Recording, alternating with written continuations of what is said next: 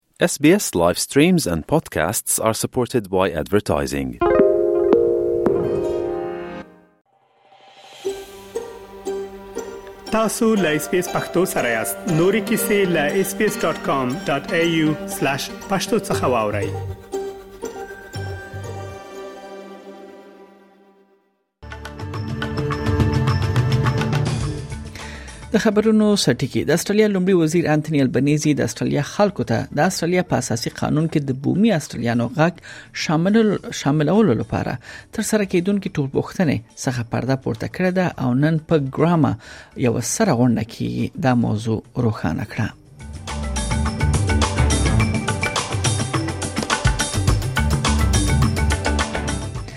پرون په کابل کې د کرکټ د لوبې پر مهال د چاودنې لامل د 13 سنه راپیان شوې دي او تر اوسه د یاد برید پړه چا پر غاړه نه داخیسي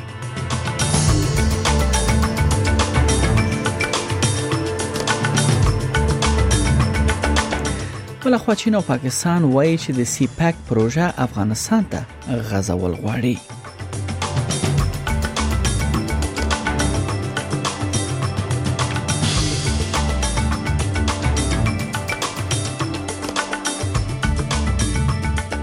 او بل خو سارویو پر وړاندې کما ناروغي چې رامنځته شوې ده او ډیر زیات اندونیزیا هیواد یې ځپلې ده دغه د سارویو ناروغي اصليت هم رسیدل ده او دلته د دې ویره ده چې چیرې د خبره شي نو د میلیارډونو ډالرو تاوان به د اصلیا مالداري صنعت ته واړوي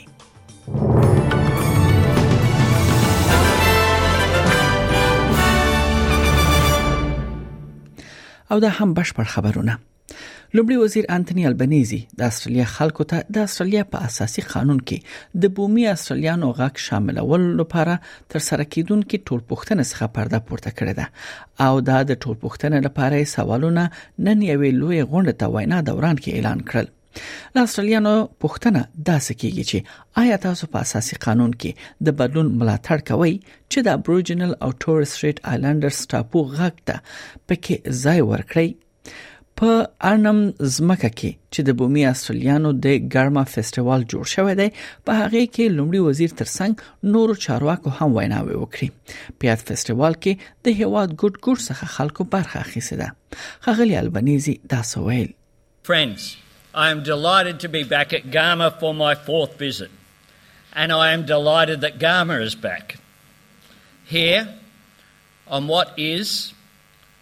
was, and always will be Aboriginal land. Today, I reaffirm my government's solemn promise to implement the Uluru Statement from the Heart in full. خغلی البنيزي دا درې جملې هم وړاندې کړې چې د اصليت د لومړي وزیر خلکو پیژندلو لپاره په اساسي قانون کې اضافه کېدل شي په دوی کې د ابوریجنل او تورس سټریټ آیلندرز وایس په نوم د وی ادارې رامنځته کول هم شامل دي چې کولای شي پارلمان او اجرایوي حکومت ته د خپل خلکو پورې اړوند مسلو برخه کې دوی اساسي توب وکړي او دغه مسایل شریک کړي لاړوش افغانستان کې په کابل کې د کرکټ د لوبې پر مهال د چاودنې لامل د 13 سنه ټپيان شوې دي د کرکټ په نړیوال لوبغالي کې د لاسي بم د چاودنې مسولیت چا پر غاړه نه دغیسي د پیښه پرون شوې ده پرون په دې لوبغاړي کې د بند امیر خمرانو او پامیر زلمیو ترمنځ د لوبې کتلو لپاره سلګونه کسان راټول شوي وو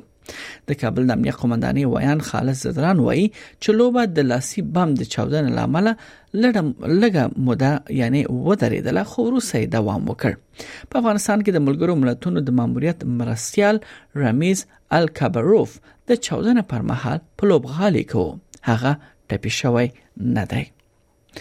بلخوا د پاکستان د بهرنیو چارو وزیر بلاول بوټو له خپل چینایي سیال سره لیدنه کې ویلي چې هیواد یې غواړي چې د چین او پاکستان ګډ اقتصادي دهلیز یا سیپاک پروژه افغانستان ته هم وغځوي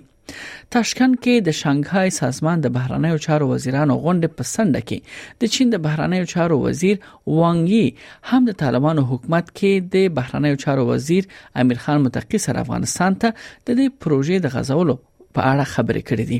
دا لومړی ځل دی چې پاکستان کې د نوي حکومت له راتګ وروسته چین او پاکستان په دې کچه لوړ پوړي چارواکي افغانستان ته د سیپاک پروژې د غزولو په اړه خبرې کوي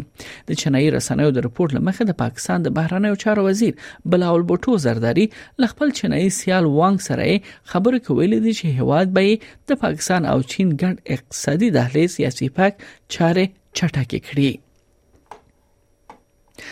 او بل خبر دا چې روسیا بیا وایي افغانستان کې د طالبانو واکمنۍ وروسته د داعش جنگیالیانو شمیر درې ځله زیات شوی دی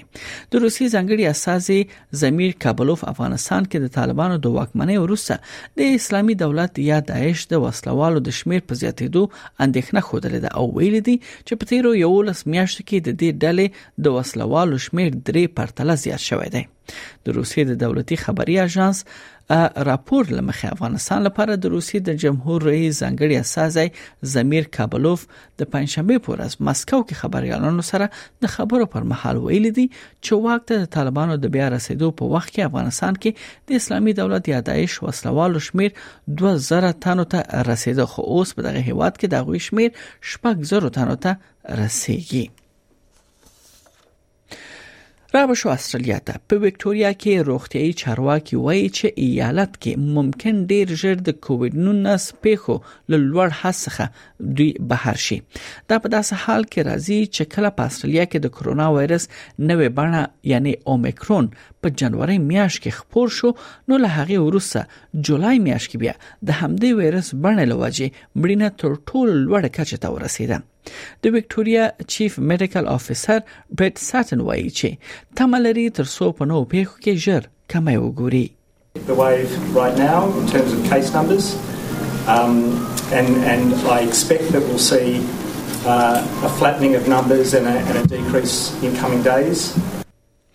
بل خو په سلګونه لارې چلونکي او د صنعت مشران به د استرالیا پلازمینه ته د لا ډیر خوندیتوب وختنه لپاره مظاهره لپاره ولاړ شي دا په داسې حال کې ده چې تیر کال 50 لارې چلونکو موټر چلولو دوران کې دوی خپل ژوند له لاسه ورکړی د سوداګرۍ د کارګرانو اتحادیه وایي نن ورځ د پارلمان په ماړۍ کې له لاسو څخه ډیر موټر له البته سلو څخه ډیر موټرونه راټولېږي او د لاریو چلونکو په ګډون ګڼ شمیر نور ملاتړي هم راټولېږي او حکومت څخه د لاریو ډرایورانو خوندیتوب غوښتنه کوي د دغه ټرکونو یا لاریو کاروان په ملبورن، برزبن، اډلیډ او پرت کې هم په ورته وخت کې ایالتي پارلمانونو مخ ته راټولېږي په تیر اگست میاشت کې د استرالیا سنا مجلس ته وړاندې شوی یو راپور کې د لاریو صنعت ته وده ورکولو لپاره لس پارښتنې شامل وي مګر استرالیا حکومت لخوا یو وړاندیز هم نه دی عملی شوی وکټوريا ایالتي حکومت په ایالت کې د پښو او خولې احتمالي پیښې سره د مقابله لپاره اصراري کاری ځواک رامنځته کړی دی دغه چې فود او ماوت په نامه باندې یو ناروغي ده او دا ناروغي په سارویو کې رامنځته کیږي دا اقدام وروسته له هغه کیږي چې د استرالیا د کرنې وزیر د ملي بایو امنیت ستراتیژي په مسوده موافقه کړې ده د خلی او پښو ناروغي په سارویو کې پیدا کیږي او د روان کال می میاش کې دا ناروغي سارویو ته په اندونیزیا کې پیدا شو چې زرګونه غواګان او نور ساروی یې ووجل دا ناروغي اوس استرالیا ته هم رسیدلې او ایالتونه کوښښ کوي تر څو خبرېدو مخه ونیسي ځکه که دا سونه شي د استرالیا مالداري صنعت به میلیارډونه ډالر تاوان سره مخ شي دا ناروغي د دې وړتیا لري چې د هیواد د سارویو صنعت ګډوډ کړي او میلیارډونه ډالر تاوان رامنځته کړي د کرنې وکټوريا د 300 څخه ډیر کارمندان د پخو او خولې ناروغي ځانګړي روزنه سناریو پلان جوړونه او بیړني تمرینونه ترسره کوي بل خبر دا دی چې د اوکران ولسمشر ولادمیر زلنسکي په ملګرو ملتونو او سره صلیب ادارې غږ کړی دی چې د روسیې لخوا پر یو زندان باندې د توغندي برید په پایله کې چې لسګونه اوکرایني بنديان وژل شوې دي خبرګون وخی هغه د دوو نړیوالو سازمانونو مسولیت ته اشاره وکړه چې د روسیې په بند کې د اوکرایني بنديانو ضمانت یې کړی دی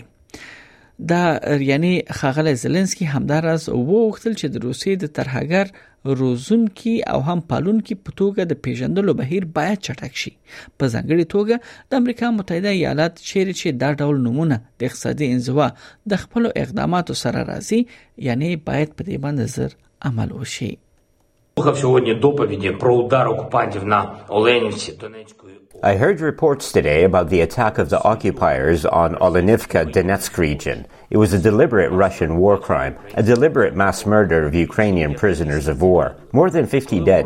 When the defenders of Azovstal left the plant, the UN and the International Committee of the Red Cross acted as guarantors of the life and health of our soldiers. Now the guarantors must react.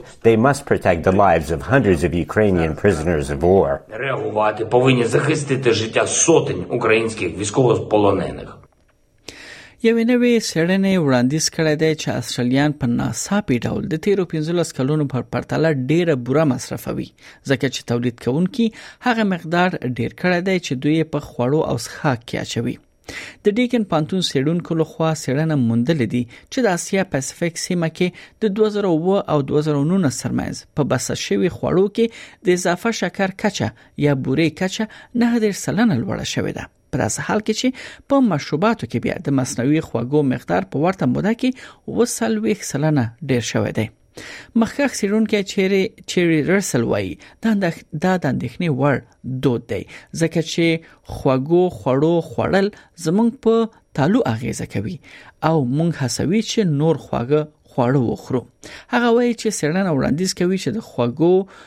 یعنی یا د خوړو ملي مقررات چې د خلکو په رژیم کې د بوري مقدار کمولو لپاره ډیزاین شوی دی هغه اوس کار نه کوي